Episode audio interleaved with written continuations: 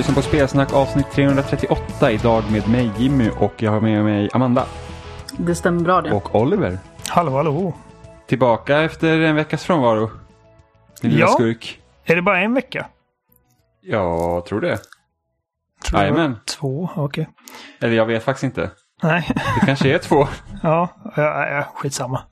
Vi säger att det var en. Jag ser att det är fem nu. Vad sa du? Jag- Jag tror att Jimmy skojar. Ja, jag skojar. Jag sa att det var fem.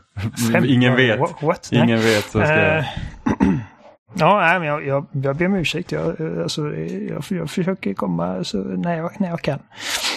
Ja, eh. så är det. Ja, förra veckan Jo. så eh, blev det lite knöligt bara. Ja, Johan är sjuk. Ja, det, Inte ja. corona. Nej, Så eller ja, att det vet vi inte. Ja, nej, men han är lite förkyld. Ja, nej, vet vi inte. Så var det kan ju vara det. Ja, Ja, får han hålla sig i karantän. Tal om corona, jag var på bio i helgen. Och såg, vi såg Greenland och eh, Train to Busan-uppföljaren Peninsula. Ja, ska man Eh. offra sig ska man göra det djupt. Eller hur? Eh, Peninsula var inte ens hälften lika bra som förra gången. Den, den var eh, ganska medelmåttig. Men det var gött att vara tillbaka på bio. Det var sex pers inne i biografen. Ja. När vi såg... eh, Och, och, Alla framtida stuntmän. det är inte bara, alltså, det var, inte- det var inte bara för att, eh, för att de bara släpper in sex, utan det var liksom, folk går inte på bio. Nej. Och eh, alltså jag förstår varför. och Det, det är ju givetvis det är bara så det är. Men jag, bara, alltså, jag, hoppas inte det kommer en framtid då det inte kommer finnas biografer. Alltså fan. Nej, men så säg att alla biografer skulle gå i graven nu så kommer det komma nya biografer sen när det börjar bli dags för det igen. Ja, jo. Jag, bara, jag älskar bio. Det är liksom, film är bäst på bio. Och jag vet att det är inte alla som håller med mig. Men jag tycker verkligen det. Ja, alltså det beror på lite vad det är för typ av film, kan jag tycka. Men ofta så föredrar jag också liksom att se i alla fall det nyaste på bio. Där man liksom känner att man verkligen kan få insupa hela upplevelsen eh, till fullo sådär. Ja, alltså det, det är ju inte... Jag ser ju inte allt på bio. Det finns ju definitivt filmer som jag inte går och ser. Jag, jag skulle aldrig se en komedi på bio. Eh, alltså... Eller det har hänt, men då är det liksom, då är det inte mitt val, utan eh, jag föredrar att gå på bio på antingen filmer då som eh, som jag bara känner liksom att det, här- det här blir nog jävligt bra, typ Parasite. Eh, han jag Ja. ser på bio. Eh, Eh, Parasite och 1917 var ju de senaste filmerna som jag och Jimmy såg på Mm. bio. Och det var verkligen 1917 är, perfekt. det är verkligen en sån film som jag, som jag helhjärtat tror är, alltså definitivt gör sig bäst på bio. Eh, även om det givetvis, alltså en bra film är en bra film givetvis, men det är liksom, man vill att Sen- eh, när det kommer ett sniperskott ska man fan skita ner sig.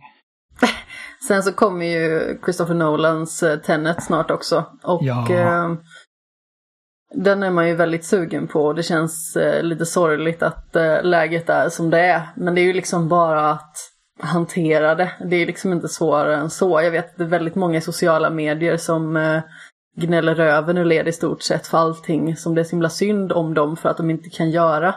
Och man bara känner att det finns folk i världen som har det så mycket värre på grund av coronaviruset. Eh, Ja, ja, så vi har ju liksom inte så jättestora problem här egentligen. Alltså, Nej. visst, det finns vissa aspekter som, som blir tuffare, men så är det ju bara. Man får liksom försöka att... Eh, Jag menar inte att låta som en Karen så, alltså. nej, nej, du, du låter inte som en Karen. Jag bara menar liksom i allmänhet att eh, de största problemen i samhället som har kommit av corona, alltså det vill säga sjukdom och eh, liksom arbetslöshet och att företag läggs ner och sånt. Det är inte sånt som folk klagar på utan det är sådana triviala saker så det känns lite löjligt. Och jag förstår liksom att folk kanske saknar vissa grejer. Men jag menar, det kommer ett nytt år och förhoppningsvis så kommer det här viruset liksom sakteliga börja ebba ut och vi kanske hittar liksom ett botemedel och sådär. Ehm, så förr eller senare så kommer man ju kunna återkomma till inom stationstecken det vardagliga sådär. Men min poäng i alla fall med att jag är sugen på Tenet, det var ju att jag såg eh, både Dunkirk och eh, Interstellar på bio. Och båda de tror jag absolut gör sig bäst på bio just. Ja, garanterat. Alltså Dunkirk på bio, det, alltså, det är fortfarande en bra film även när jag ser den hemma, men det går inte att jämföra riktigt.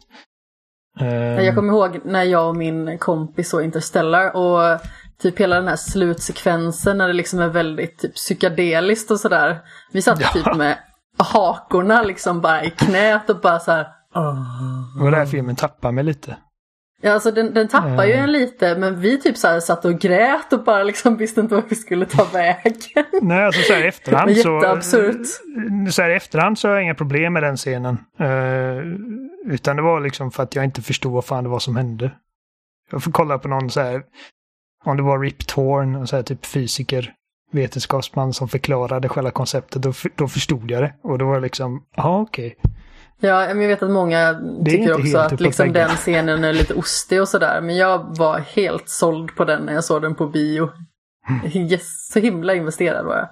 Jag gillar Interstellar. Uh, mm, ja, jag också. Um, uh, Blade Runner 2049 såg jag på förhandsvisning också. Och det var också en sån här måste se på bioupplevelse känns det som. För den var mm. verkligen alltså godis för ögonen. Alltså alla, jag har sett alla Nolans filmer på bio sen Dark Knight. Uh, Inception var ju också helt, alltså det var ju liksom en jävlar. Det var som man såg Matrix första gången, man bara usch, vad är detta ens? Så det, jag känner att Tenet liksom ser ut att vara lite av liksom den typen av film. Man kollar trailern och har liksom bara en vag idé om vad det är som händer. Men uh, han är så coolt ut. Jag har faktiskt uh, biljetter för förhandsvisning nu på lördag för Tenet. Så jag ser fram emot det. Ja. Um, ja men alltså allting som han eh, skiter ur sig blir man ju nyfiken på. Ja. Så är det ju bara. Ja, han Eller i alla fall jag. Film. Samma här. Mm, nej men eh, Peninsula var, var, var sådär och Greenland var inte... Ingen av de här filmerna är någonting jag hade gått och sett ifall det var liksom som ett vanligt år. Utan nu var det bara, jag, jag ser vad som helst nu. Du var så svältfödd liksom. ja. Uh, ja. Nej, nej, men det, det var det.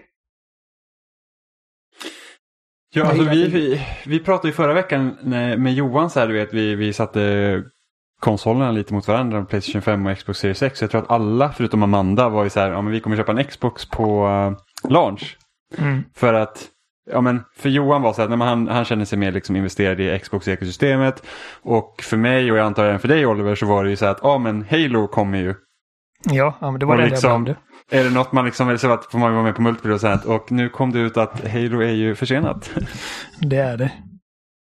Så. Och, ja. Oj vilken överraskning. Ja men alltså både ja och nej.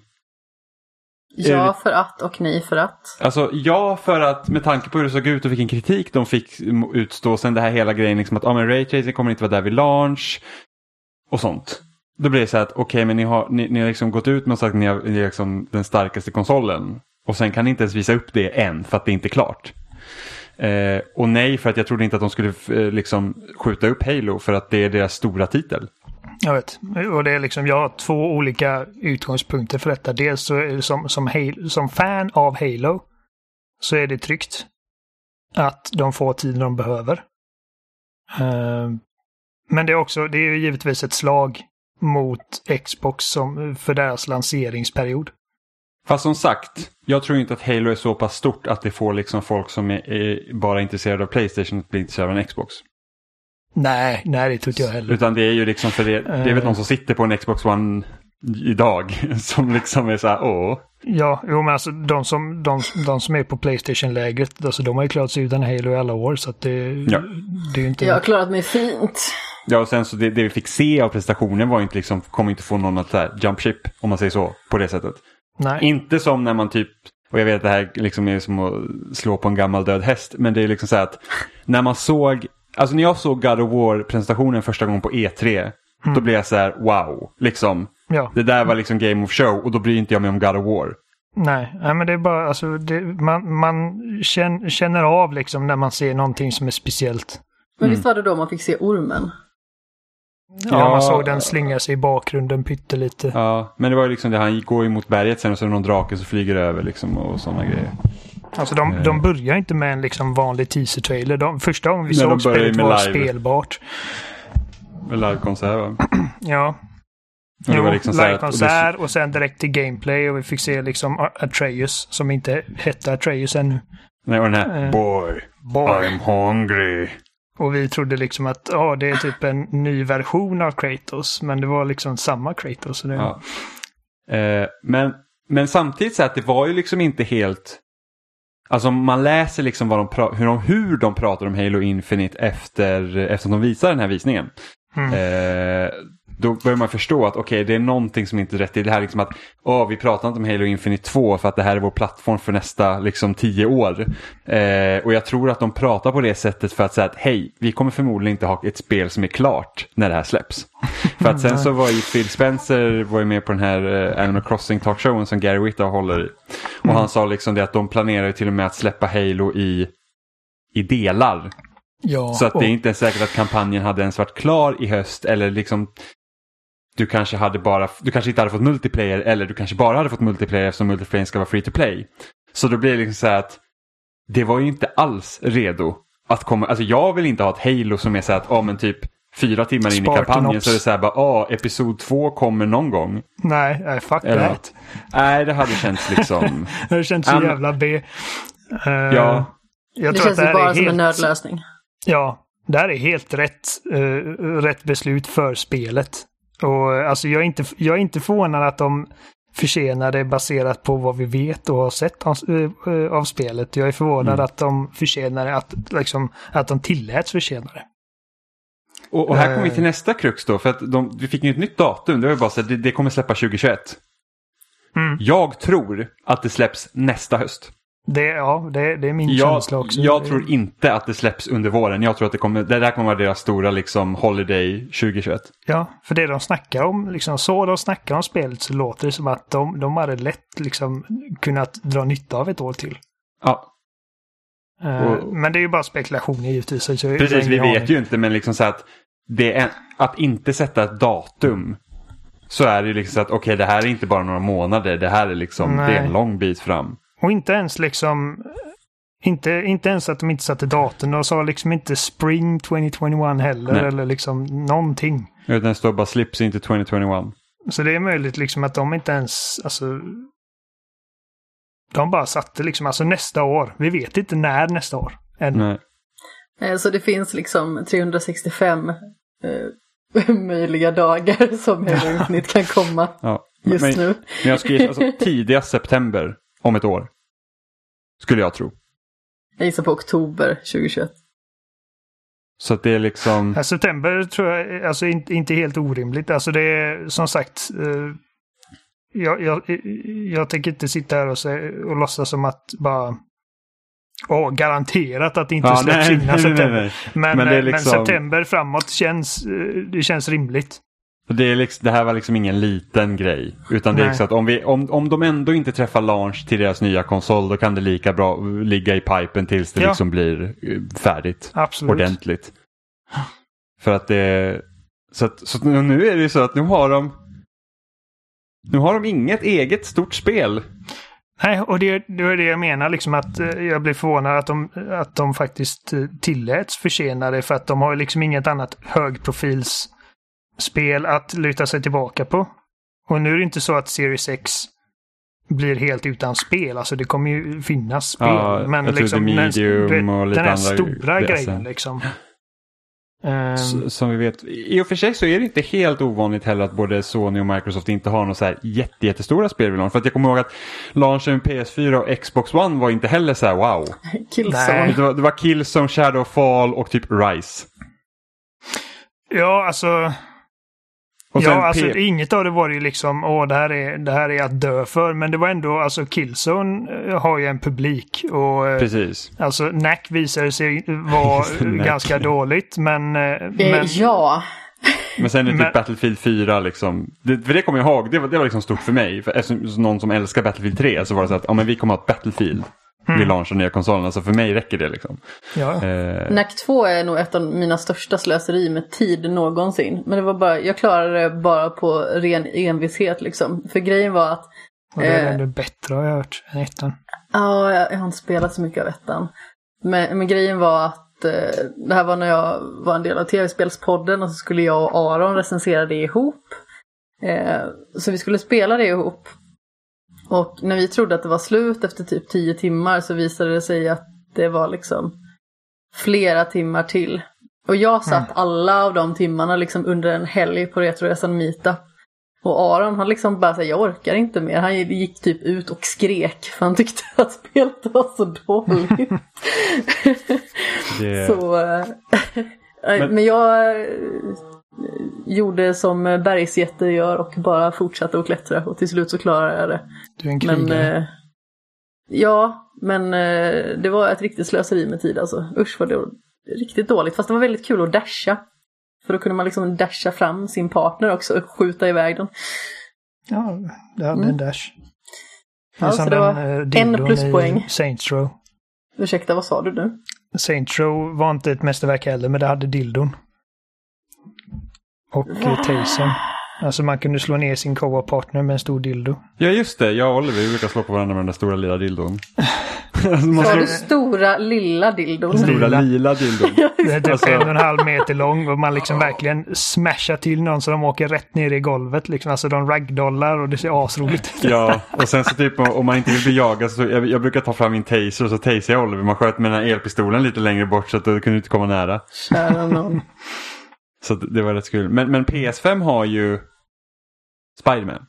Ja, och Ja. det är som sagt det är liksom inte ett jättespel. Det är, det är en sorts förlängd Alltså- expansionsdeal. Alltså vi, men vi det är vet inte, de har ju sagt att det är liksom ett fristående spel, att det inte ska vara DLC. Nej, det är inte DLC, men de har ju, de har ju sagt att det är liksom, sett i scope så är det ungefär vad, Ja, så är det. vad Ja, Lost men- Legacy var för Ja, Uncharted. Precis, men det, det de kan göra då för att minska scopet är att ta bort alla onödiga sidoaktiviteter i den öppna världen och köra fullt ut på storyn så hade man varit nöjd. Precis.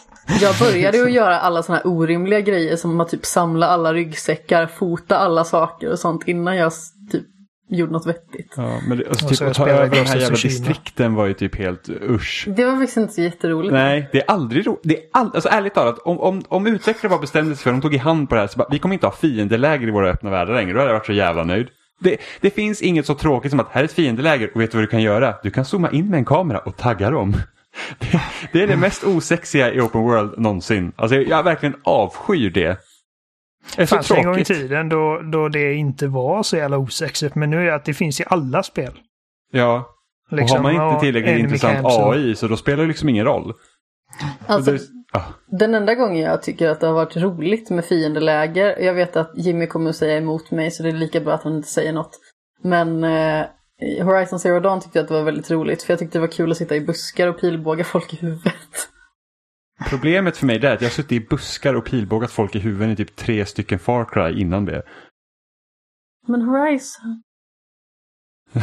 Ja, men alltså, liksom, det, det är liksom, hade Horizon varit det enda spel som gjort det då kanske man hade känt annorlunda. Ja. Förmodligen. Ja, så blir Kanske det. det. För det är liksom, som, som sagt, att Far Cry 3 tycker jag är det bästa Far Cry. Av de jag har spelat. Mm. Och, det är liksom, och de andra har ju byggt på det men det kändes ändå någonting som att Far Cry 3 var ändå liksom det var inte lika liksom, åh vi har bara mer av allt. Nej, Utan det det var så kändes att det inte här- gammalt heller Nej. när det kom. Så att, eh, nu vet inte jag om man har känt om man startar Far Cry 3 idag liksom, men det var Du, ju det, inte... du hade inte tyckt om det lika mycket idag. Ifall, Nej, det, det tror inte jag heller. Men Jag har försökt att starta upp det och det är liksom, alltså, nu har man gjort det eh, hundra gånger. Eh, Så det, det är också liksom åldrats på grund av att liksom det är så många andra spel som är strukturerade på exakt samma sätt. Ja. Men för att återgå till ämnet så att för att när Microsoft då hade liksom eh, gått ut det här med att Halo eh, försenas. Så skickar de så att vi vet att konsolen släpps i november. Mm. Men inget datum. Eh, det hade varit jätteroligt om, om, om båda företagen utannonserar priset dagen efter konsolen har släppts. för att just nu är det Ja. ingen som vill säga någonting. Eh, och, och då gick de ut med här liksom att eh, ja, ni kan spela tusen spel på er maskin när den släpps på en gång via bakåtkompatibilitet. Och då är det också så här att antingen sitter de och håller på någonting som ska också släppas vid launch eller så är det så här bara att hej, ni kan spela allt ni har redan. Och då blir, då blir det lite så här att då positionerar de nästan Series X som Xbox One X när den kom. Mm. Att det liksom, den känns inte lika ny utan det är bara så att den fortsätter bara men den är lite bättre. Eller ja, den är ganska mycket bättre. Men den, det, är liksom, det är en bättre konsol. Men det är en uppgradering snarare än att det, I mångt och mycket är det väl nästan det dock. Alltså ja och nej. Den körs på samma, liksom, eh, på samma operativsystem. Ja, uh, vad vi vet. Alltså, ja, uh, den, liksom alla spel du kommer att spela på Series X är alla med väldigt få undantag spelbara även på en Xbox One. För att till exempel The Medium som ska komma vid launch, om jag inte har helt fel nu, det går inte att spela på One. Det, det, ja, den är Series X exklusiv. exklusiv. Ja. Men eh, vi tänkte testa ett litet nytt segment här Oliver, för du hade planerat en grej. Mm. Eh, där, där, du pratade lite om Microsofts eh, bakåtkompatibilitet och hur det står sig mot så nu. Ja. Så att vi, eh, vi startar något som vi hittills kallar Olivers hörna.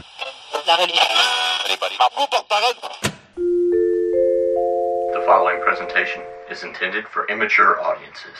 Jag har eh, skrivit på förhand en liten, alltså vad ska man säga, en opinion piece. William säger hej. Ja. Uh, alltså och... för protokollets skull så är att Oliver tycker att det är cheesy att vi kallar Olivers hörna men han var väldigt, väldigt uh, förtjust i ordet Olivers pruttkudde. säger, det säger allt om mig kanske. Ja. det gör det ja, faktiskt. Nej, men, eh, som, som, Jimmy sa, det här är en ny grej som vi, vi testar. Vi kommer, vi kommer testa eh, några gånger. Ifall det, ifall det känns bra så fortsätter vi. Om inte så försvinner det och ni får gärna dela med er av feedback ifall detta känns helt fel. Eh, men då tar jag ordet i ett par minuter. Vänta lite, ska bara... Ah. Tack. Halo Infinite såg ut som något du kan köra på en halvdan smartphone med dess platta ljussättning, plastiga karaktärs vapenmodeller, megablocksdoftande strukturer och tvådimensionella gräs som går upp i rök framför näsan på dig om du inte tittar rakt på det. Vad som många förväntade sig bli Microsofts tekniskt största muskelspännarögonblick på åratal urartade sig snarare som en fisium en pyspunka. Om det finns något av Microsofts re repertoar som borde golva potentiella köpare av en ny maskin så är det väl ändå Halo. Det är ändå varumärket som en gång säkrade Microsofts plats som en relevant plattformshållare. Är detta verkligen det bästa du har att komma med för vad det så fort det får chansen beskrivs som den mest kraftfulla spelmaskinen som någonsin gjorts? Jag har tänkt på Killzone 2 mycket det senaste. Det är ett 11 år gammalt spel till den 13 år gamla Playstation 3 och det ser ungefär 7, år, 7 gånger bättre ut idag än vad Halo Infinite gör på en PC med Series X-specifikationer. Visst har Halo Infinite högre upplösning och körs i dubbla bilduppdateringen, men det är inget att fny och det är inget att fnysa åt. Men för oss som älskar snygga spel räcker det inte riktigt. Jag hänger hellre upp Mona Lisa i vanlig full HD på väggen än ett 8K-foto av Donald Trumps inflammerade könshårsäckar. Inte en helt rättvis metafor, men ni förstår poängen. Nu har Halo Infinite försenats till nästa år, något som jag helhjärtat tror är goda nyheter för fans av serien. Nästa gång det visar spelet hoppas och tror jag att vi kommer få se tydlig förbättring och det känns tryggt att 343 Industries tillåts få den tid de behöver för att göra detta till en produkt värdig av deras ambitioner.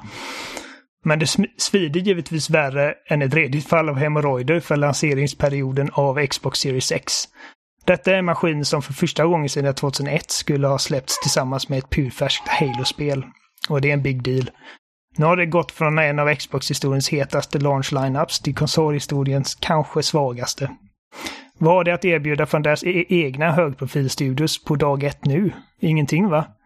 Istället tvingas de satsa allting på tredjepartstitlar som Assassin's Creed Valhalla, som mest troligt hade hittat en större publik på konkurrenten Playstation 5 oavsett.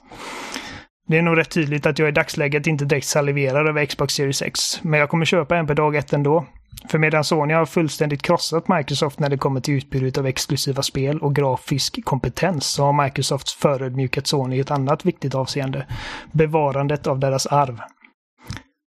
Jag har som sagt tänkt mycket på Killzone 2 det senaste. Det är en av de mest hårdkokta, tyngsta och gripande shooters som någonsin släppts på en Playstation-konsol. Och jag är grymt sugen på att återbesöka det år 2020. Men för att göra det måste jag köra ner till mina föräldrar, gräva fram min gamla dammiga och långsamma Playstation 3 och greppa den hemska DualShock 3-kontrollen än en gång. Hade Sony varit med som Microsoft i det här avseendet hade jag bara kunnat klämma in skivan i min Playstation 4 och spela det med en duglig kontroll. Och det hade förmodligen körts bättre och varit skarpare än det var på PS3. Det största argumentet på bakåtkompatibilitet genom åren har varit att konsolerna behöver byggas med det i åtanke och således gör maskinerna dyrare för konsumenten. Microsoft visar att det är båg, att det enda som verkligen behövs för att köra fler konsolgenerationer på en maskin, som aldrig varit avsedd för det, är vilja och resurser. Sony har ett ännu rikare arv av oförglömliga titlar än Microsoft och har dessutom en längre historia. Det arvet och den historien är ovärderlig. Det känns tryggt att jag på dag ett kommer kunna köra igång Prince of Persia, Sands of Time och Splinter Cell Chaos Theory och Knights of the Old Republic och Gears of War och Ninja Gaiden Black på min Xbox Series X. Allting jag äger digitalt på Xbox idag förs över utan knussel. Nästan alla spel jag äger på fysisk skiva likaså. Vad hade varit mer sexigt för mig på lanseringsdagen av Playstation 5 än Spiderman Miles Morales? Att äntligen kunna spela om God of War-serien som jag får lust att göra minst en gång om året. Att kunna spela det Ratchet Clank-spel jag missade på Playstation 2. Att kunna avnjuta Silent Hill 2 i dess originalutförande och ha hela Metal Gear Solid-serien samlad på samma plats. Och ja, om Sony var med som Microsoft i det här avseendet hade mitt första stopp på Playstation 5 mest troligt vara det smutsiga, rostiga och frenetiska kriget mot Hellcast i det underbara Killzone 2. Vår spelhistoria är värd att bevara. Du kan både hyra och köpa den 63 år gamla klassikern 12 Angry Men på en modern Apple TV. Microsoft har visat världen att våra älskade spel inte behöver vara låsta till uråldrig teknik och Sony borde få tummen ur röven och visa att det inte är sämre. Föreställ er en värld där filmer äldre än 10 år kan knappt att spela upp på dagens tv-apparater. Skjut mig hellre. Det var det. Så. Eh, ja, och man kan ju nästan säga det att det är Microsofts strategi att de, eh, de säljer en plattform. Precis. Vi har aldrig sett liksom två så här att Microsoft och Sony har ju länge varit liksom, de, Nintendo har inte varit i det racet sedan 2006. Uh, eh, så att Microsoft och Sony har ju varit liksom två väldigt lika Eh, lika företag när det kommer till deras strategi för konsolutveckling och allt det där. Men eh, alltså, det har verkligen ändrats nu för att deras strategier är så skilda nu att vi har två helt olika företag eh, som gör olika saker. Och det behöver inte vara en dålig grej. Nej, absolut inte. Det roligaste är dock att Nintendo med Wii och Virtual Console var ju liksom verkligen on top of the game. Då. Och ja, sen alltså, bara, det, och sen så det bara så här, ja, men du, du vet de här mån... Vi ska ju släppa lite NES-spel i månaden. Sen så bara, nu släpper vi SNES och sen bara, nej, ni får lite, ni kanske får ett i halvåret om ni har tur typ. Mm. Ja, jag vet inte, alltså innan de bara en dag helt plötsligt, och nu känns det så normalt att Xbox är så liksom eh, bakåtkompatibla som de är. Att jag minns knappt liksom när de utannonserar att det, det måste varit på E3 något år eh, att de skulle börja göra bakåtkompatibilitet. Eh, men alltså sen dess så har, eller snarare innan dess, så har det där inte varit så viktigt för mig. Det var liksom inte viktigt för mig att jag kunde spela 360-spel på Xbox One eller Playstation 3-spel på PS4. När de kom. För att då kändes det som att ja, men det, är bara, liksom, det är bara så det är. Uh, och sen så kom de och bara, det behöver inte vara så. Vi har typ helt arbetat om systemet. Vi har lurat våran Xbox One och tror att det är en Xbox 360. Dock var, för Xbox One var planerad att kunna spela 360-spel från första början. De lyckades dock inte, så att jag minns inte exakt vad det var, så någonting i maskinen i alla fall hade förberett för att det skulle gå. Eh, men på grund av Kinect och sådana där grejer så var det inte möjligt till slut. Och sen har de liksom gjort massa andra saker då. Alltså i bakgrunden då för att, för att göra sen så att det går. Eftersom man lurar systemet att tro att det är ett Xbox One-spel du faktiskt spelar. Mm. Det är mm. därför du spelar inte från skivan, du laddar ju ner spelet. Precis, skivan är bara en nyckel som... Men det var planerat från första början att kunna spela 360-spel egentligen. Det visste att, inte jag. Men att de har fixat Xbox-spel också, det är sjukt. Ja, uh, det är alltså...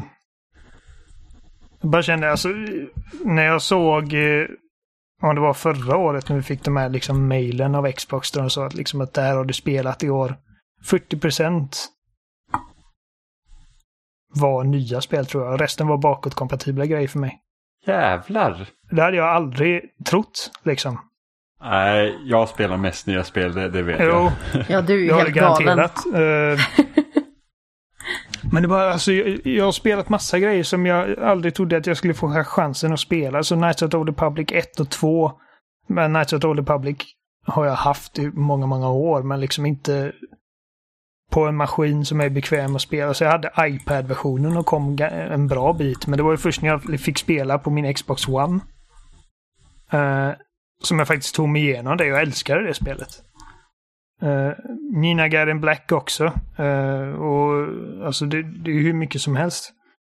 Mm. Så alltså sen, sen de började satsa på detta så har liksom det här med äldre spel bara blivit viktigare och viktigare för mig. Mm. Och visst, det är ju skönt att man förmodligen kommer kunna spela Bloodborne. Om inte på release i alla fall någon gång. På PS5. Mm. Eh, men alltså jag vet också liksom vilket, vilken rik historia de har och eh, alltså hur många bra spel de har haft på sina maskiner genom åren. Liksom, alltså det är så många grejer som jag har missat eftersom att PS3 var den första Playstation-kontrollen jag ägde. Mm. För jag var die hard Nintendo innan dess. Ehm, och inte för att jag inte tyckte om Playstation, jag älskade Playstation, men det var liksom, alltså, när man var liten, man, fick, liksom- man hade tur om man fick en konsol och då var det liksom Nintendo man valde. Mm. Ehm, så det är liksom, det är en guldgruva av grejer de har där. Ja, verkligen. Det... Sen är det lite jobbigt med så här licenser och sånt som gör att man inte kan. Jag hatar licenser. Som- Liksom, jag, jag bara känner i en perfekt värld så hade det bara varit liksom typ som om det var med Alan Wake eller vad det var. Att det var några låtar där i Alan Wake. Som de inte längre har licensen för. Mm. Alltså, har, har en, ett musikstycke varit med i ett spel från början och, och licens har betalats. Tycker jag att det borde, då borde det liksom få vara där. För alltid. Mm. Liksom vad, vad är det för jävla... De har fått patcha ut massa låtar i GTA 5 också. Ja, och jag förstår inte varför det är så egentligen. Det borde vara så att hej, vi har liksom, nu har vi licensierat den här musiken och den liksom får alltid vara i det här spelet. Ja. Jag tycker ja det är skittråkigt alltså, att det inte... det känns helt bisarrt. Det är ju samma sak för film exempelvis. Kan det väl inte vara? Jo, jo, tv-serier och sånt har sånt. Det är typ Supernatural de tidiga säsongerna hade jättemycket liksom så här klassisk eh, rock. Och eh, de finns ju liksom i DVD-boxarna men typ i liksom hyr du typ på iTunes eller eh, Xbox eller vad som helst och då, då är jättemycket bortplockat. Fan vad... Galimptyx. Jag vet inte hur det funkar på film eftersom film är ofta så att det går upp på bio och sen så kan du köpa filmen. Eh, det lär ju vara med digitalt kan det också hända att det ändras. Men, men tv-serier och sånt det går ju liksom i tv om och om igen. Så att jag antar att det är därför typ som som, som det blir liksom problematiskt då. Liksom att ja, men då kan tv-bolagen bara köra reruns på den här hela tiden och tjäna pengar på det och sen får artisten ingenting. Eh, Medan film och sånt så är det ofta så att det går ju inte på någon tv-kanal utan det är liksom så jag, jag vet faktiskt inte varför det är så, var, var, varför är det någon skillnad liksom. Nej, jag vet inte. Alltså, jag känner att om man kör massa reruns av ett avsnitt av Grey's Anatomy exempelvis. De har mycket licensierad musik. Ja, men jag, jag skulle säkert gissa på Eh. att det liksom kommer bli bortplockat där efter ett tag också. Ja, men det är alltså, de, de tjänar ju pengar på serien, inte nödvändigtvis för att just den låten är med Nej, just i men det, det är liksom för att artisterna också ska få en del av kakan antar jag. Eller ja, artisterna, det, det är de stora skivbolagen antar jag. Ja, Det är ja men det är de jävla stora. Alltså, jag Ja. tycker alltså, man, det borde bara vara liksom att man betalar en licens för att liksom, okej, jag vill ha den här musiken i, den, i det här avsnittet eller den här filmen. Ni får en liksom summa för det nu och sen så är det klart. Det var därför eh, Alan Wake eh, blev borttagen från eh, alla Ja. digitala affärer. För att de hade massa licensierad musik. Och nu, jag vet inte om det är bortpatchat nu. Men det är liksom så här. Tänk att typ avsluta Alan Wake och sen inte höra eh, David Bowie i slutet liksom. Det är Ja. bara så här att, jaha. Så det är liksom... Fan vad weird. Hur är det med Guitar Hero-spel? där tror jag det fungerar annorlunda. Där Jag tror jag inte att låtar och sånt 2 försvinner. så är det ju, de har, de har ju, alltså 90% av musiken där är ju covers. Eh, för att jag vet till exempel i Rockband. Eh, Mm. Så all, all DLC som jag har köpt det får jag ju behålla. Men Mm. eh, om de förlorar licensen då kan de inte sälja det mer. Mm. Så att det är det som blir problemet. Så GTA 5 kan du fortfarande köpa och därför måste de patcha bort det. Jag känner alltså liksom, det är inte bara den här liksom, de här licenspengarna som de tjänar på. Det är ju liksom att folk upptäcker musik. Ja, Alltså, det är ju massa musik som jag har hört i film och serier som jag har kollat upp. Som jag aldrig hade kommit i kontakt med annars. Och nu plötsligt så har de ett nytt fan. ja, alltså jag, Så mitt, tjänar favorit, på det också. mitt favoritband Naked and Famous upptäckte jag via SSX. Det som släpptes 2012. Ja. Och det var liksom så här bara, alltså och jättemycket musik har jag ju hittat liksom via Rockband och Guitar Hero. Och typ NHL absolut. och Fifa, nej inte Fifa, Fifa spelar jag inte, kom jag på. NHL Försåt dig och liksom skate. Här kommer det fram att vissa sitter och smygspelar Fifa. Jo, Inte smygspelat Fifa Jo, någon jo, gång. minsann. Ja. Sluta. Ja, mhm. Nej, Fotboll är alltså, sämst. Så jävla Jimmy. cyniskt och trist. Ja, jättetråkigt. Ja, det... Alltså, men jag, jag kollade på en eh, serie som heter eh, Truth Be Told heter den. På Ja. Apple Plus. Eh, och de hade någon eh, musik, någon låt eh, i eftertexterna. Jag bara fan det här lät nice. Jag kollade upp det och nu har jag lyssnat på honom hela dagen. Liksom. Ja, Så de tjänar ju också på att liksom finnas där ute. ja men verkligen. Men det är som du säger, alltså det, det är mest troligt inte artisterna som håller på och, och gnabbar över detta. Bara, eh, jag vill inte att vår musik ska finnas där och där. Men, men apropå Alan Wake faktiskt så eh, jag köpte faktiskt eh, expansionspasset till kontroll. Mhm. För att jag vill spela Alan Wake DLC när det kommer. Och du Eh, kommer inte få din så här, Series X-uppdatering. Nej, vilket är ganska skit men jag kommer förmodligen inte starta kontroll på min Series X och känna att jag vill spela kontroll. Nej, Eh.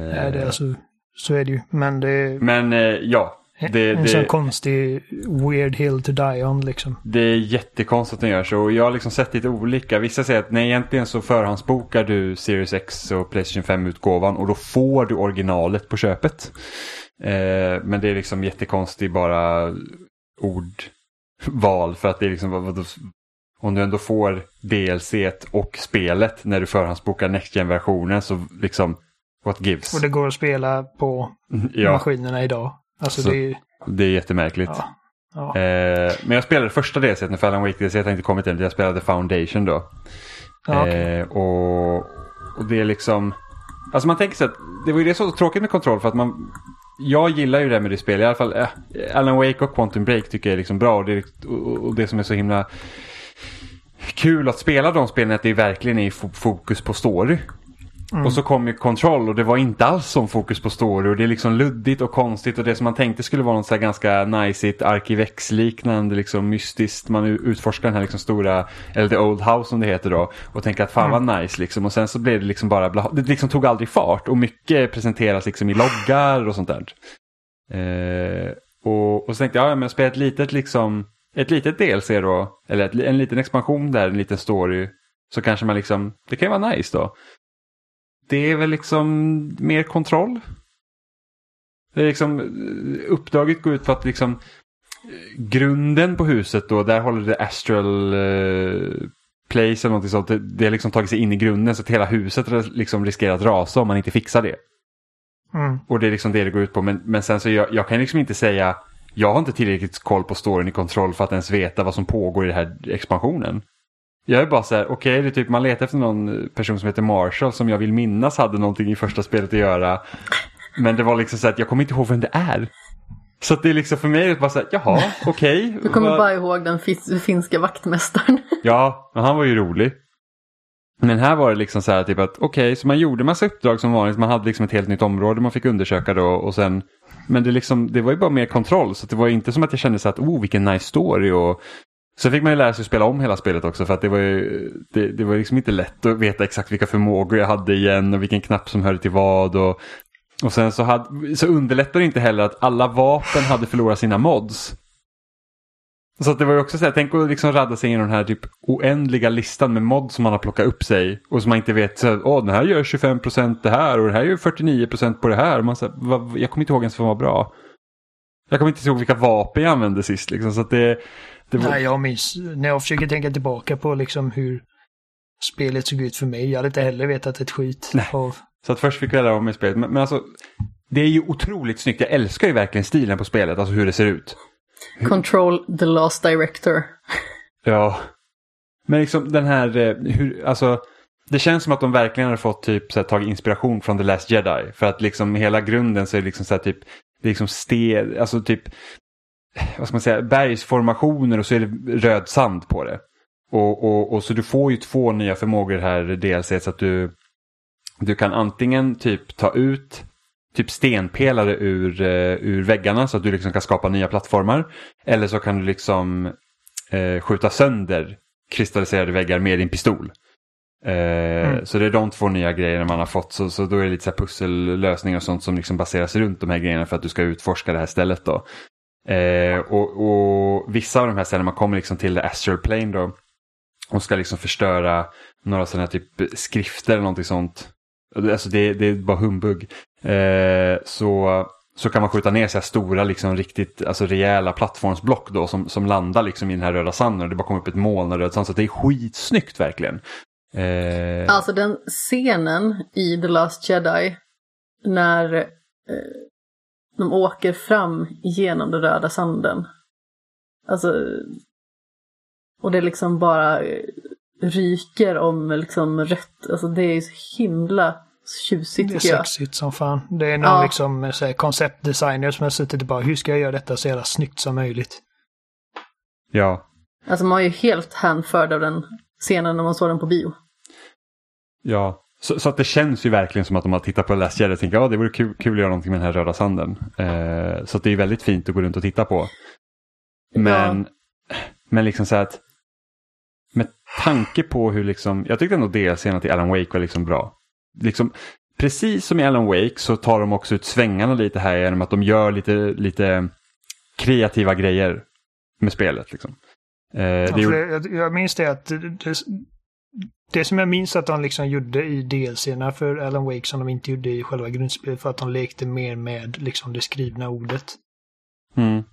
Uh, att, alltså de verkligen linar in i det här att han är en författare och att det är hans roman som liksom blir verklighet inför hans ögon. Mm. Eh, så man kunde använda liksom ord och grejer i miljöerna. Alan ja, Wake ligger ju verkligen djupt in i min skämshög. Jag har köpt det någon gång på Steam men sen har jag liksom inte haft någon dator som fungerar. Men jag ska förmodligen köra det på Xbox när jag får tillfälle. Ja, men det, det är spelvärt. Det, mm. ja, det tycker jag också. Men samma sak, jag har länge varit så här sugen på att spela Quantum Break också. Det är bara det att jag liksom inte har fått tummen ur röven. Jag har det liksom i fysisk kopia till och med. Eh, sen så, alltså, det är så himla roligt för att vi alla tre känner typ likadant om grundspelet i Control. Kanske var jag lite mer sån här initialt, alltså jag var superinvesterad i början av, liksom, av mitt spelande och tyckte att liksom, konceptuellt verkade det så extremt spännande. Liksom kröp i varenda hörn och kunde se om jag hittade några dokument och sådär. Men alltså, det intresset dog så himla fort och det känns himla märkligt. Och sen helt plötsligt så fanns det typ inget intresse kvar att spela Control. Så jag blev inte klar med det för att jag liksom tappade suget. Och jag kommer liksom inte ens ihåg vad det var jag avslutade. Jag tror att det var vid någon boss någonstans. Som eh, jag tyckte var frustrerande. Men jag minns typ ingenting av vad som liksom var intressant. Jag minns bara liksom att jag tyckte att konceptuellt var det spännande. Men, alltså, vad mer? Det är snyggt. Jag skulle jättegärna vilja ha den där telefonen med ratten som en prydnad. Jag vet inte, jag tycker det är så, jag tycker att den är så häftig. Liksom... Vi har ju en röd telefon här hemma. Jag vet, med men... en liten ratt på. Jo, men jag vill ha den där svarta lilla, typ så här, lilla volymratten typ bara. Jag tycker det är, det är liksom, alltså det, man tar liksom den här, bara det simpla konceptet av en, liksom en gammal telefon. Och sen så tar man bara bort det som vi vet vad telefonen gör och så sätter man dit något annat liksom. Som också är väldigt analogt. Det är inte liksom sci-fi grejer utan det är bara liksom så att den ser bara märkligt det, det, det, är lite så här. Analog sci-fi. Ja men det osar nästan lite så här aliens. Eller inte aliens utan alien. Det är gammal teknologi som känns ny. För att det är som man har gjort det liksom. Även Star Wars har ju liksom all, all, all teknologi i Star Wars baseras ju från liksom 70-talet. Så allt ser ju liksom risigt ut. Mm. Eh, Så att, och sen så, så att de, de, gör kreativa grejer med det här delset också. Liksom det, fanns ett, det fanns liksom ett sidouppdrag där, man, där, där liksom man, helt plötsligt hörde man liksom 80-tals syntpop när man liksom hoppar runt på så tågvagnar och grejer. Så att det, det är liksom det känns liksom fräscht. Det är bara synd att det inte finns någon liksom berättelse att greppa tag i där. Men jag hoppas ju att det Alan Wake DLC ska liksom känna så att, för att jag har ju koll på Alan Wake. Jag har inte koll på så mycket på kontroll så att då kanske man säger, okej, okay, man kanske får veta lite vad som har hänt med Alan sen American Nightmare. Liksom. Man får se. Så, så det, det har jag spelat under veckan. Eh, faktiskt. Jag har ändå liksom så ett svagt hopp om att vi får se Alan Wake 2 någon gång. Man vet ju inte, alltså, det kan ju hända att det är DLC som kommer, kanske teasar om, en, om ett potentiellt spel. Ja, det är möjligt. Så vet man inte. Det har, alltså, det har potential, den, den, det varumärket. Ja, jo, men det har det. Alltså, speciellt med tanke på hur första spelet slutar. Nu ska inte vi spoila för Amanda mm. som inte har spelat det, men liksom, det är ju uppenbart att det ska liksom finnas något mer. Ja, men det var, liksom, det var definitivt inte ett sånt spel som man kände liksom att okej, okay, utvecklarna har gjort vad de vill med detta nu. Nej. Nu klappar de ihop och... men det roligaste att Remedy har gjort det, alltså de gjorde Melon Wake, de liksom lämnar slutet så pass öppet att det måste komma en uppföljare. De gjorde som med Quantum Break också. Det blev inte heller klart, även om det liksom berättelsen liksom fick ett avslut. Men det var fortfarande så här att okej, okay, men nu ska nästa grej komma. Och Kontroll fick ju inte heller något slut. Kontroll lämnades äh, jätteöppet när det slutade. Jag, jag, jag kommer inte ihåg så mycket av kontroll men jag vet att det liksom var så här att aha, det var inte klart egentligen fast jag fick se eftertexterna. Eh, så, så det är lite märkligt. Men jag hoppas ju att nästa spel som Remedy släpper att det faktiskt är liksom, har större fokus på story. Som man kan hänga med i. Jag har jättesvårt för kontroll. Att det liksom bara ja, känns jag som, med. Bara, det, alltså, alltså, bara, det... liksom, jättesvårt att bry mig och ja kändes sällan som att det hände grejer. Det var liksom att du, du gick genom rum, dödade saker, sen så hade du någon statisk liksom dialog med någon snubbe eller, eller gumma. Och det körs ju verkligen som bajs uh, också. Det är fortfarande ja. hack i menyerna. Nej, fan. Den enda, de enda karaktärerna jag minns är den finska, jag höll på att säga mäklaren. Jag menar janitorn, äh, vaktmästaren. Och äh, han han eh, direktören bara för att han har Max Paynes röst. Mm. Kommer inte ihåg vad han heter. Du menar han som dör i början? Ja. Spoiler! ja. Bra att säga spoiler uh, efter man spoilat något. Mm. Det raderar verkligen allt jag har sagt. Han, hans röst är usch. Ja. Men Amanda, vi har ju spelat med Fall Guys. Det har vi gjort.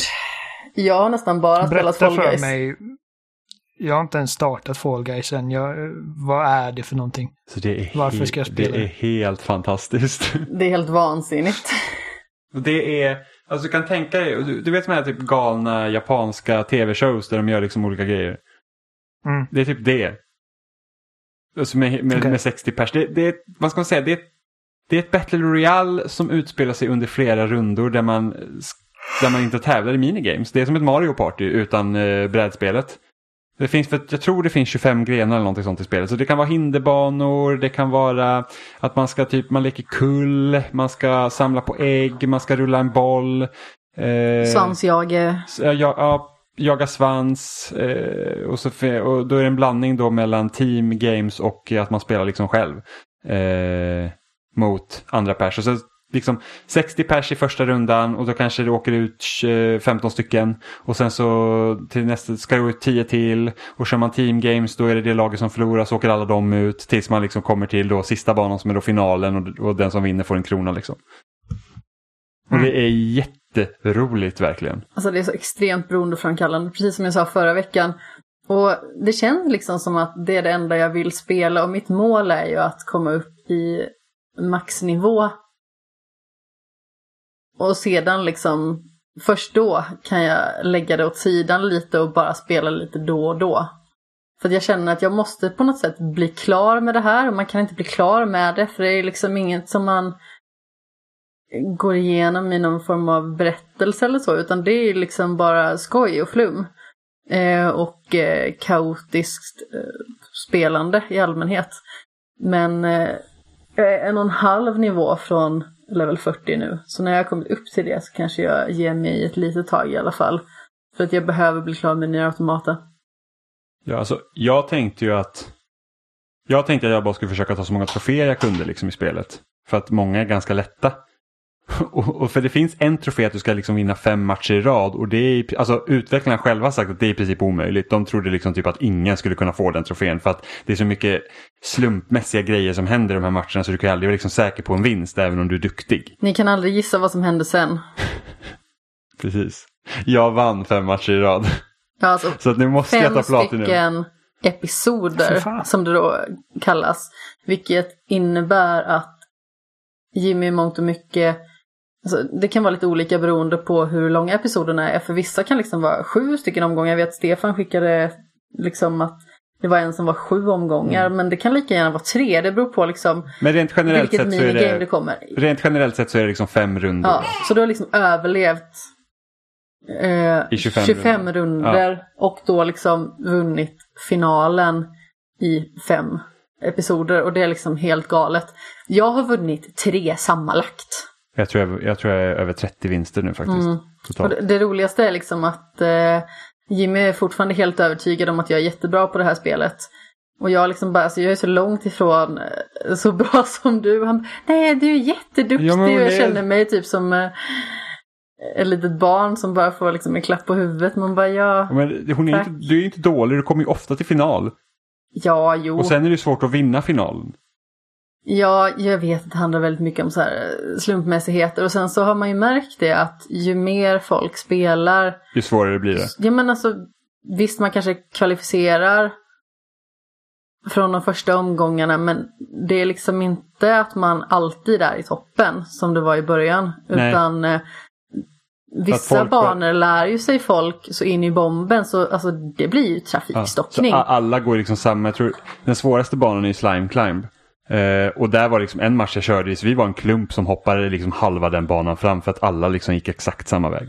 Ja, och jag, jag vet i den här Hit Parade som då liksom är eh, en blandning av att man ska balansera på stockar och sedan ska man liksom ta sig igenom eh, skjutdörrar och slutligen undvika föremål som kan liksom knocka en och sådär.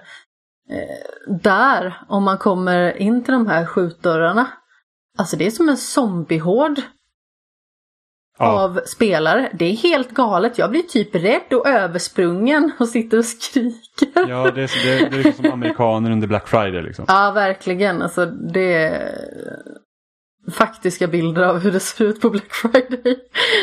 Mm. Det är alltså helt vansinnigt. Men alltså det är jätteroligt fortfarande. Och det är typ så här, när jag sätter mig och spelar någonting så är det det jag vill spela. Eh, och jag har ju liksom ett gäng troféer som jag vill ta. Eh, och framförallt så, de, jag tror att jag har fem, sex troféer kvar kanske. Jag är uppe i 65 procent. Någonting. Eh, och jag vet ju liksom att den här vinna fem episoder i rad, det kommer jag nog aldrig göra. Eh, förutom kanske i, i början av liksom nästa säsong då, när det kanske kommer väldigt mycket nya spelare, så kan man ju liksom eh, komma in med liksom erfarenhetskortet och kanske nalla lite segrar på det viset. Ja, sen, sen beror det på hur populariteten håller så kan jag ju tänka mig att de kanske kommer köra olika playlists. Att eh, ja, jag vill bara köra solospel så att man inte kan få team games in. För att jag hade ju sån jäkla tur under mina fem runder. Det kom bara en runda där det var lagspel och ofta åker man ut på lagspel för att då är man ju liksom i, tillsammans med andra nötter som inte vet hur man spelar och då, då är ju risken större att du åker ut för du kan inte liksom, det är inte bara dina egna erfarenheter liksom som ja. du kan Och sen hade du din favoritfinalbana ja. alla gånger. Och sen fick jag liksom, för att de två finalbanorna som jag tycker är lättast att vinna på det är Royal Rumble, då, vilket är då att en har en svans och man ska ha svansen när tiden tar slut. Eh, så då får man liksom jaga de andra spelarna, som, den spelaren som har svansen och försöka få den själv. Och den, den har jag en ganska bra taktik på så jag brukar ofta vinna på den.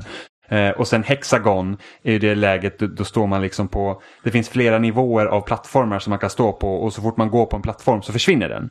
Så att, man liksom, så att golvet försvinner hela tiden och längst ner är slime och ramlar man ner i slimet så dör man. Så man ska försöka klara sig så länge som möjligt och den har jag också ganska bra taktik på så att jag liksom, så att ha, har man tur så, liksom, så, det, så, så, har man ganska goda chanser att vinna på den. Eh, men det var liksom, jag hade inte räknat med att vinna fem i rad. Det är alltid så när man typ, oh, jag vann två i rad så bara, ja men jag kanske ska kunna vinna liksom. Man kan ju försöka i alla fall. Så tre i rad och bara shit, fyra i rad och man bara oh my god, jag måste gå och hämta tvätten. Så bara hämta tvätten, pausa lite, kommer tillbaka, bara kör, kör på femte omgången och bara oh my god. Så lyckades jag, jag skrek ju rakt ut när jag vann. Ja, det gjorde du faktiskt. Så att, eh, Fast det gjorde jag också. Ja, men man skriker när man vinner för det är kul att vinna. Ja, jag tycker också att det är kul. Det är så... Men så jag skrek ju när du du spelade vann. Spice vs. Mercs. Ja, fy fan, du är så jävla vidrig. Fy fan, alltså, vi spelar Spice vs. Murk i, i eh, Splinter Cell Blacklist. Det var jag, Robin, Sebbe och Oliver. Och Oliver förlorade inte en enda runda trots att vi switchade lag hela tiden. Alltså det var helt sjukt, jag var så jävla sur. Jag har inte spelat sen dess heller. Jag och Sebbe vi ragequittade, vi var nej, det är helt roligt. Ja. Och sen blev du glad när du fick vara på mitt lag igen. Jo, men jag ville ju vinna över dig. Det var det, jag ville ju att du skulle förlora, allt annat var irrelevant. Så det, det var sjukt. Men Fall. Guys är alltså, det, det är ett av årets bästa spel. Ja, men alltså det är liksom som en, en tokig blandning av... Jag vet inte, vil, vilket spel har liksom så här fumlig eh, spelmekanik? Alltså det är typ det är typ Human Fall Flat fast med eh, lite mer motorik. Ja, och det här... ehm, Men sen så har det liksom lite... Gang Beasts. Ja, och sen så har vi liksom eh, inblandat eh, lite gladiatorerna och lite wipeout. Och eh, lite Mario. Party. Ja men precis. Och det är liksom en galning, bla- äh, galning blandning. Ja, ja, det är jag som är galningen här verkar det som. Eh, en galen blandning av de här koncepten. Och det är bara så himla roligt. Och tossigt. Och men, man blir typ glad av att spela det även när man blir arg. Alltså, för jag, jag, blir ju, jag blir ju sur. Eh, och eh, ord flyger genom rummet. Ja, men det Som roligaste jag är Amanda, orolig att grannarna ska höra det ibland. roligaste med Amanda det är ju liksom inte så att det byggs upp till det här sura heller. Det är så här typ, vi startar spelet, det går fel en gång och då jäklar, då, då är det liksom it's on. Ja. Det är Men- direkt, det är liksom det är så här bara, någon tog tag i en så bara jävlar! Och sen så pip på det, censur. Och man bara wow! Och sen så jag kan inte låta bli att skratta heller så att ibland när Amanda åker ut och så blir hon jättearg då sitter jag och fnissar i hörnet och då blir hon ju inte gladare. Men vad ska jag göra? Nej men du är ju hånfull. Nej, men jag är inte hånfull men det är så här bara åh nej och så, så kommer hon bli jättearg. Så, så, ja, jag kan inte hålla mig Alltså jag blir ju inte arg på riktigt. Alltså, jag, Alltså, jag alltså- blir ju liksom så här så indragen i upplevelsen att jag kanske kan bli så triggad för stunden så. Men jag skulle aldrig bli arg på riktigt över det här. Jag skulle liksom inte gå runt och sura. Jag, jag har liksom Jag har känt fått en och annan människor. kontroll i sidan. Nej, du har inte fått någon kontroll på dig. Alltså grejen är liksom att ibland så behöver man liksom bara få ur sig lite. Så jag är så himla snål så jag skulle aldrig få för mig att liksom kasta en kontroll. Men så jag liksom så här huttar den lite till andra sidan soffan så att den ska landa säkert. Bara för att det liksom känns bra att få kasta någonting. Nej, jag det fick är ta ett skott för laget och hoppa framför tvn. Det var... Det här har aldrig hänt. Nu sitter Jimmy och hittar på precis som vanligt. Nej, men, så så jag, jag kände liksom bara att jag behövde bara kasta lite granna. Men jag skulle aldrig få för mig att liksom göra något. Så det ser nog egentligen ganska så taffligt ut. Alltså jag sitter Så. med typ full så amerikansk fotbollsmundering när vi spelar nu för tiden. Nu är du igång igen. Lugn i stormen nu Kerstin. finns risk för att man liksom så förlorar ett öga eller någonting. Nej, det är det inte alls. Alltså, det är större risk att du eh, typ knockar mig i ögat när du flänger iväg med dina extremiteter. Har jag, har jag flängt iväg med nu Ja, då? armar och ben kommer åt alla möjliga håll. Sa du, att- sa du att han flänger med sin, sitt exkrement? Nej! Det är bara Så du Jimmy som skulle förlorar, höra det. bajsar i handen och slänger på dig.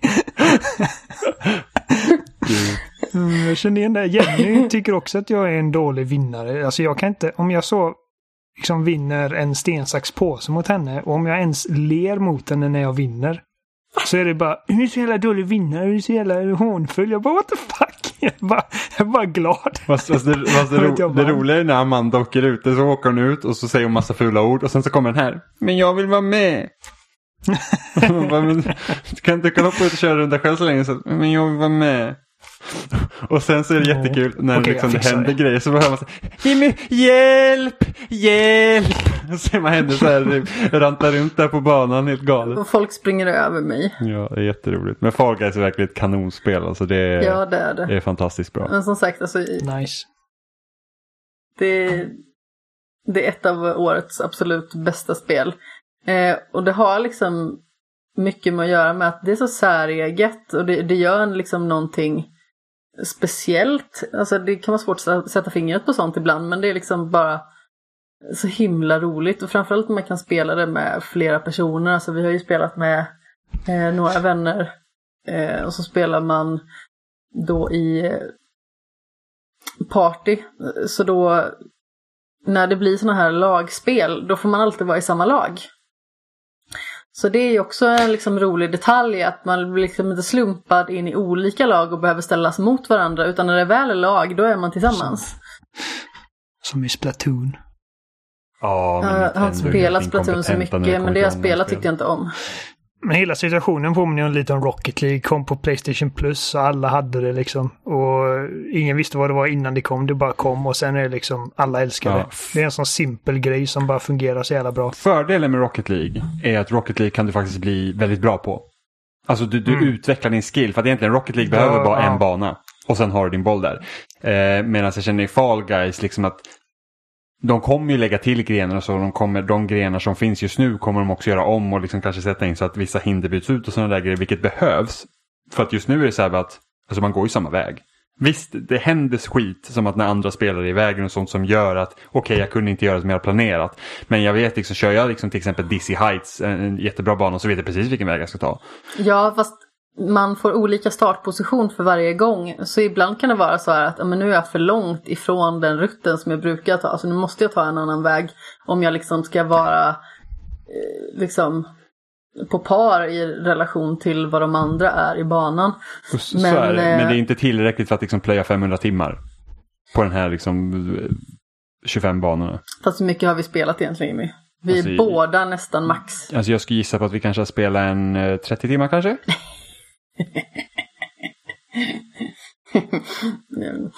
Ja, 30 låter lite lite faktiskt. Nej, jag vet, jag vet. Det har gått två veckor och vi har spelat Ja, men när vi jobbar så är det, mycket. när vi jobbar så är det några timmar, kanske en, två timmar bara. Jag jag ska gissa på kanske mer? 30 30-40 timmar, jag tror inte att det, jag tror inte ens vi är nära 100 än. Men inte nödvändigtvis 100, men jag tror 30 räcker nog inte. Alltså. Mm. Men det är liksom, för att jag kommer ihåg att efter första helgen när vi spelade, då kände jag så att okej, men nu, nu har jag liksom lite, nu har jag ju spelat såklart mycket mer, men då kände jag att nu har jag liksom pejl på läget. Medan Rocket League var ju verkligen så att du blir uppenbart bättre på Rocket League. Liksom, du kan flyga med bilen och göra massa tricks och sådana grejer. Liksom, det är mer skillbaserat medan det här är mer party. Jo, fast är det någon fördel som Fall Guys har i sammanhanget så är det ju liksom att det är mer variationsrikt. Plus att det slumpgenereras så att upplevelsen är ju inte exakt likadan hela tiden. Och det kräver ju ändå, visst, man har ju kanske en dos tur om man vinner liksom x matcher i rad eller vad det nu kan vara. Men alltså, det kräver ju också skicklighet. Jo, jo, men, men det är inte alls på samma sätt, skulle jag säga. Men apropå det här med att folk gör dumma grejer och att man liksom förlorar på det. Eh, Det finns liksom en sån här vippbrädebana som heter Seesaw. Eh, och jag blev alltså grabbad sju gånger under hela den banan. Och jag var, då var jag liksom eld och lågor förbannad. Eh, för det är så himla orimligt, för det känns som att vissa kommer in i spelet och de är där liksom bara för att förstöra för andra. Och det är alla de här, det är de som har vargdräkten på sig såklart. Det är säkert de som liksom har typ vargtröja på sig i verkliga livet. Eh, men alltså jag blir, så, jag blir så sur på det. Det är så här, sköt ditt eget. Varför är du här för att förstöra för mig? För att du tjänar inte någonting på genom att ta tag i någon annan. Liksom i ett race typ. Du förstör för den personen men det är inte som att du liksom knuffar undan den och kommer längre fram. Utan det är liksom det är bara jobbigt. Ibland så har jag varit med att folk hållit i en i starten så att man liksom får en jättedålig start. Man bara, du hjälpte ingen. Din lilla bajs. Nej men alltså, det är ju så pass många som startar i de olika loppen så vad tjänar det till att hålla en person? Mer än att förstöra. Och, och visst, eh, Jimmy kan ju hävda som han gjorde när jag blev grabbad flera gånger så att ja det är en del av spelet och sen blir han så otroligt upprörd när folk jag kan ju grabbar honom fortfarande själv. bli upprörd och fortfarande tycka att det ska vara en del av spelet. För att det är, liksom, det är en del av charmen i det att någon Jag kan tycker inte att det är en del av skärmen, jag blir bara sur. Men precis som jag sagt tidigare, liksom att det har väl mycket med att göra att i mitt huvud så handlar den här typen av spel eller liksom sport och sånt, det handlar liksom om att vara sportslig mot varandra och att man liksom tävlar för att göra sitt bästa. Och det kanske är jätteenfaldigt och naivt av mig, men det är liksom så jag ser på situationen och när någon förstör för mig, alltså då blir jag jättearg. Och det tjänar ju liksom ingenting att försöka ge tillbaka, för det är oftast man själv som förlorar på det. Ja, men alltså det är lite samma sak som att folk vill liksom att du ska inte kunna bli attackerad i Sea of Thieves när du liksom är på en och lämnar in en skatt. Och det är liksom en, nej, man kanske inte gör så mot andra men ändå en del av charmen i det. Eller typ man spelar Left 4 Dead och du kunde komma in till rövhål och meja ner den. Liksom, det kan hända. Hatar den ett rövhål meja ner. Ja, men vi, du, var, du var väl med då Oliver? När det, var du, det var väl du, jag och Robin som körde typ på um, svåraste svårighetsgraden på Left 4 Dead. Och så var det en kille som hoppade in och han typ ruschade iväg från oss. Alltså han sprang Ja. iväg från oss. Så att vi liksom, vi var inte nära honom. Och så blir han down och dör. Och han quittar på en gång. Och vi bara, men alltså han sprang ifrån oss. Liksom, vad ska vi göra? Sen hoppar han in i vårt game igen, dödar oss och sen hoppar ut igen. För att då spanar han ju nära oss. det, det är liksom så här, ja det är skitstörigt och det är vidrigt beteende men samtidigt så att det är lite en del av skärmen också. Att det kan hända. Ja, det är det. Ja, jo, kanske. Alltså, men det, det finns alltså, liksom... Det är Left 4 Dead. Men Left 4 Dead är ju ett sånt spel också. Alltså det. Alla spel behöver inte vara så. Nej, gi- givetvis inte. Nej men i, i Fall Guys så visst det finns en poäng med att man kan grabba folk. Alltså om vi tar, det finns ju något som heter Egg Scramble till exempel. Sämsta spelet. Ja jag vet att det är inte kul. Eh, så som de andra är kul. Men då är det liksom att det finns en pott med ägg. Det finns tre stycken guldägg som är värda mer. Och man ska samla så många ägg som möjligt. Och sen så kan man gå och stjäla från varandra när potten är slut. Eh, och där finns det ändå en poäng med att grabba tag i varandra utan att man liksom har en svans och så som man har liksom i andra småspel. Eh, för att då släpper ju karaktären ägget och man kan ta ägget själv. Men när man liksom bara gör det liksom från tomma intet sådär, alltså det brinner till i skallen på mig. Alltså jag accepterar inte det. Det är liksom som när man står uppe på bowlingbanan och det är typ tyst i hela hallen och någon bara "Äh!" Det är ungefär lika störigt. Det gör mig lika arg. Ja. Men eh, fantastiskt spel. Ja, det är kontentan. sugen.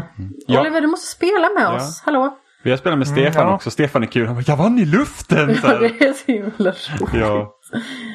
Stefan är som ett litet barn på julafton när han spelar Fall Guys och vinner. Och sen är ju så här, såklart är Stefan snuskigt duktig också så han vinner ju ofta. Alltså Stefan är, Ja, är duktig vidrigt allt, duktig. jävla Det är jättefrustrerande.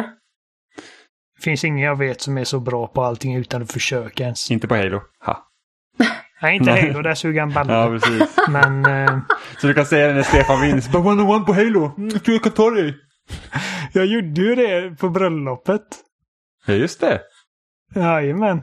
Och han fick stryk. Ha. Eh, Men det var väldigt men han sa roligt. inte nej. Han skyllde på kontrollen. Såklart han gjorde. Det var väldigt Och dåliga roligt för att han skickade för ett tag sedan typ att snart har jag tagit min typ 160 platinum eller någonting på Playstation och jag liksom bara så här. Ja. jag har tagit sju och den mest typ värdefulla är Lara Croft Go. Resten är typ så här My name is Mayo eller Slide och eh, typ Telltales alla spel. Så hej. Ja. Jag kollade på True Achievements eh, sidan där jag kopplar min gamertag så jag har väl 67 maxade Xbox-spel mellan, mellan 360 och Xbox One. Prosit. Tack. Eh, men då räknas det ju också, alltså spel som har DLC räknas också bort från den statistiken så att jag har egentligen Ja. klarat många fler. Eh, om man då tänker bara 1000G liksom. Men jag har spelat ett eh, dåligt spel också, eller jag har klarat ut ett dåligt spel. Jag klarade ut Deadly Premonition 2 i veckan. Och det Mm. var inte bra alltså. Det... Jag misstänker att pengarna tog slut.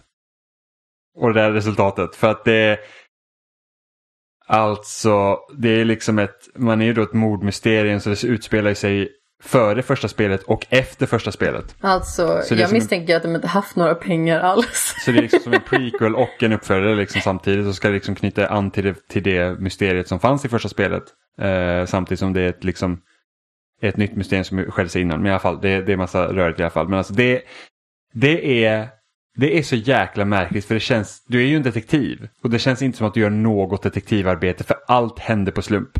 Du bara typ ramlar över ledtrådarna och, och liksom och, och en del i spelet så var det typ så här att ja ah, men nu måste vi sätta ihop de här och de här delarna så att vi kan få upp den här dörren. Och så gör karaktären det själv i en cutscene.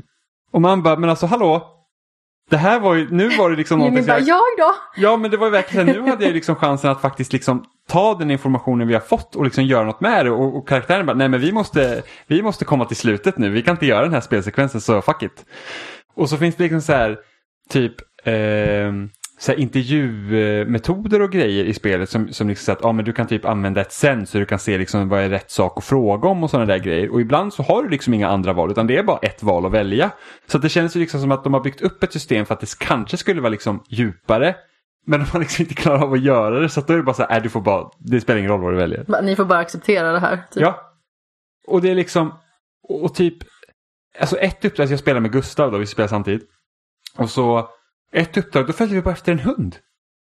För att han skulle leta efter något träd och det var liksom, vad är det för hund? Det är liksom, det helt plötsligt bara dök det upp en hund som vi skulle följa efter och det är bara, det makes no sense. Hunden var- är också typ världens sämsta radar i sammanhanget. Ja, så att den gick fel flera gånger och liksom, alltså meningen att den skulle gå fel då, bara för att det liksom skulle vara någonting att spela. Men det liksom kändes, första spelet hade ju den, det kändes verkligen som att vara i den här staden och man liksom undersökte den här liksom brottsplatsen då så att säga.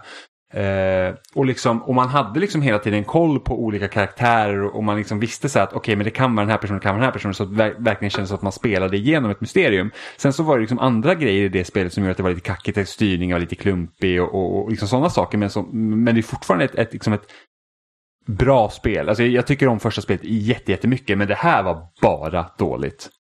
Alltså det, Det ser riktigt uh, ruttet Ja, ut. och det är, liksom, det, det är fulare än första spelet känns det som och det körs betydligt sämre.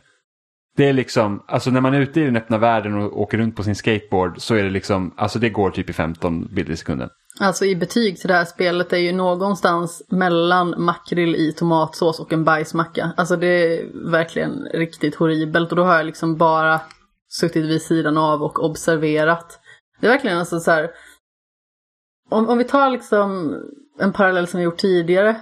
Twin Peaks har ett mysterium som är märkligt.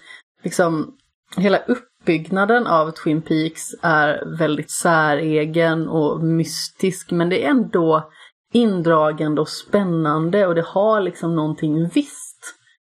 Men alltså det här, det är ju konstigt och så ruskigt dåligt. Och det känns ju som att det bara blir sämre och sämre hela tiden. Ja men sen är det också så här typ att mellan då, för att spelet är uppdelat i episoder. Och liksom i slutet av varje episod så hamnar för att första spelet var väldigt Twin Peaks-inspirerat och det här spelet känns mer som att titta på True Detective. Så att du har detektiven som spelar York Morgan då, han, man får ju se honom liksom i, i 2019 då, då är han liksom typ gammal. Och så berättar han om det här fallet då som utspelar sig 2005. Ett riktigt ris är han också. Ja. Eh, och, och liksom så, de, så då har du liksom mellan episoderna så är det typ 45 minuter av bara dialog. Där de sitter liksom och pratar. Så det, det är liksom nästan så här puts Kojima to shame liksom. Eh, Det var ju en kväll som ni typ bara satt. ja, vi satt bara, vi, vi satt, vi satt liksom i 45 minuter och bara satt och scrollade igenom dialog. Och sen så bara så att Jimmy höll på att somna. det är ingen idé att vi fortsätter längre, jag är så jävla trött. Eh, Det var till och med så jag bara, du behöver klicka på en knapp här. Och det är egentligen inget liksom fel med det att man kan ha långa liksom dialoger. Men det är bara att emellanåt så kommer det helt så här irrelevanta. Alltså typ, de satt liksom i tio minuter och pratade om pizzakartonger. Och jag bara så att nej. Det här, det här signar inte jag upp för. Liksom, det, här, Du bara, ge mig mina pengar. det här orkar jag liksom inte med. Eh, så att, är det jätte, jättesynd verkligen för att jag gillar York som karaktär. Jag tycker om honom både i första och liksom till viss del i andra spelet. Men det är, allt runt omkring det andra spelet är verkligen så här. Det, det är inte färdigt. Det, här- det, jag är helt säker på att pengarna, är någonting, pengar och tid tog slut. Och det är bara, nej men det här, för att det är liksom. Fast det är inte bara pengar och tid. Alltså jag tänker ju att det som har tagit slut också är bra idéer. För det är liksom, det här är vad vi har skrapat upp från golvet. Det är typ så här, det här är de sämsta idéerna vi har haft men vi har inga kvar, vi måste göra någonting, vi tar dem här. Nej, men alltså jag tror att de har haft idéer som de vill göra och sen så bara, vi kan inte göra det här. Så att då måste man slänga in massa bullshit. För att det, det är lättare. För att hela den här liksom investigate-grejen, den är ju liksom, den är ju totalt underutvecklad. Den ska ju förmodligen vara större.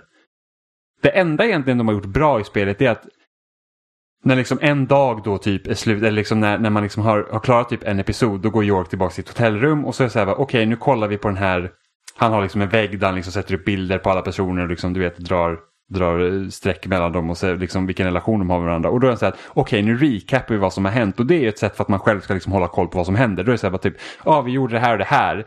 Vem var den här personen? Och då får man liksom tre alternativ och det är bara liksom för att man ska komma ihåg alla kopplingar. Det var skitbra. Det är det enda bra i det här spelet.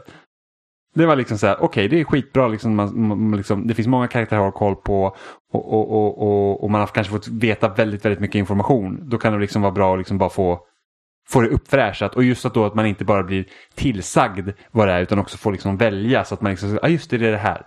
Eh, så det var bra, men annars alltså jag, jag, är, jag är väldigt besviken på spelet faktiskt. Så jävla besviken på Börje. vad är det bästa eh, detektivspelet? Och då menar jag inte liksom vilket är det bästa spel, spelet där man är detektiv, utan vilket spel har liksom gjort mest med liksom att du faktiskt letar ledtrådar för liksom... Jag skulle nog säga... För jag tänker liksom LA Noir för, först. Jag skulle nog säga um... Her Story.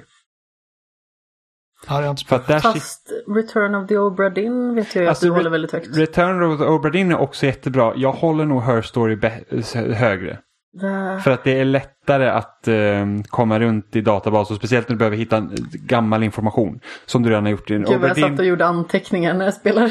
Samma här. Obra Dinn är ju liksom Ska du gå in i liksom en, en sån här typ sekvens och kolla igenom saker, då, då, liksom, det blir jobbigt efter ett tag att gå fram och tillbaka. Medan i i Her Story då sitter du liksom och letar en databas. Så då är det bara så här, okej okay, men den här videon som, som behöver jag kolla igen och då har du liksom då har du liksom en flik för alla videor du sett. Och man Eller, har gjort egna nyckelord. Precis, och har man egna nyckelord så man kan liksom hitta allt det där. Så då kan man se om det på det sättet. Så att, jag skulle nog säga Her Story. Ja, jag tänker, alltså, kommer tänka på nu så typ uh, Phoenix Wright och uh, var ett gammalt DS-spel som det enda jag känner som spelare är jag själv. typ, eh, vad hette det? Hotel Dusk tror jag ja, det var, typ, var inte det typ en grafisk novell nästan? Jo, man, man la liksom, man, man tiltade maskinen på sidan som att det blev som en bok. Mm. Så hade du dialog, Room 215 heter det. Mm, det var jättemånga som sen, hade den huvudkaraktären där. Det var många som hade den som avatar på gamla Nintendo-forumet. Just det, jag kommer att snacka om att han, han såg ut som Erik. Alltså, ja. Her Story tyckte jag var bra, men det känns ju väldigt rudimentärt i sin uppbyggnad. Jag hade verkligen velat ha liksom ett riktigt saftigt, härligt detektivspel. Ibland så kan det också vara svårt att liksom, alltså det hade jag ju älskat typ om Alan Wake till viss del hade varit. För att Alan Wake är uppdelat så att du har dagsperioder och du har nattperioder. Men, och nattperioderna mm. det är där du möter alla monster och sen dagsperioderna det är liksom Egentligen gör du inte så mycket på dem, det är mer transportsträckor. Du pratar med någon. Men där, eftersom han är liksom författare och sånt, det hade varit skitbra om de hade utökat den delen där så här, under dagen så gör du liksom undersökningar och pratar med personer och försöker hitta ledtrådar till vad som händer. Och sen så kommer natten och då är det liksom strider och sånt. The Vanishing of Ethan Carter var väldigt bra också. Det har inte jag spelat. Det var väldigt spännande och intressant att försöka lösa mysteriet. Däremot så visste inte jag att det skulle komma en skräcksekvens och jag höll ju på skita knäck verkligen. Annars är Outer Wilds också ett bra detektivspel. Åh, oh, vilken överraskning ja, att alltså, man ärligt, åker pilla in Outer Wilds. ja, men ärligt talat, det ah! spelet går ju enbart ut på att du liksom ska ta reda på vad som har hänt och du måste göra via din egen nyfikenhet och då, och då får du åka till de här roliga planeterna och leta efter liksom ledtrådar. Det är inget, det är inget ja, alltså- regelrätt alltså... detektivspel som så, men eh, Nej. jag kan nog tänka mig att det kan gå under den. Men jag är ju sån, jag älskar ju Sherlock till exempel. Alltså jag hade ju velat att de skulle ta... Men det finns ju, det finns Sherlock Holmes-spel. Men inte Sherlock Holmes specifikt, utan Sherlock, alltså... Ja, alltså... Som, som serien. Alltså jag hade velat att de skulle ta just det Och sen göra liksom ett spel av det. Ah, Jag kan bara tänka, det enda jag får upp i hu- huvudet nu det är typ såhär Grey's Anatomy-spelet, Desperate Housewives-spelet! House-spelet. Ja. Du vet. Så, Det var exakt vad jag tänkte det på. bara förstörs för mig här. Hallå. eh, men det, det finns ju Sherlock Holmes-spel som ska vara bra, rätt så Ja, bra. jag tror att jag har köpt The Devil's Daughter till och med. Mm. Mm, kanske borde spela det, men jag, jag vet inte, jag älskar ju liksom Benedict Cumberbatch och Benedict Martin Cumberbatch. Freeman, Sherlock och Watson. Och sen ska man väl nästan säga Ja. typ att så här, traditionella picka-klicka-spel är lite också så här detektivspel. Ja, men det är typ det vad Hotel det är Dusk här var på gott och ont, peka-klicka-spelen. Ja, eh, vad heter det nu då? Ehm, det som det var Ron Gilbert gjorde för några år sedan som också var peka-klicka-spel som såg ut som ett gammalt spel. När man spelar två, en polis och en detektiv.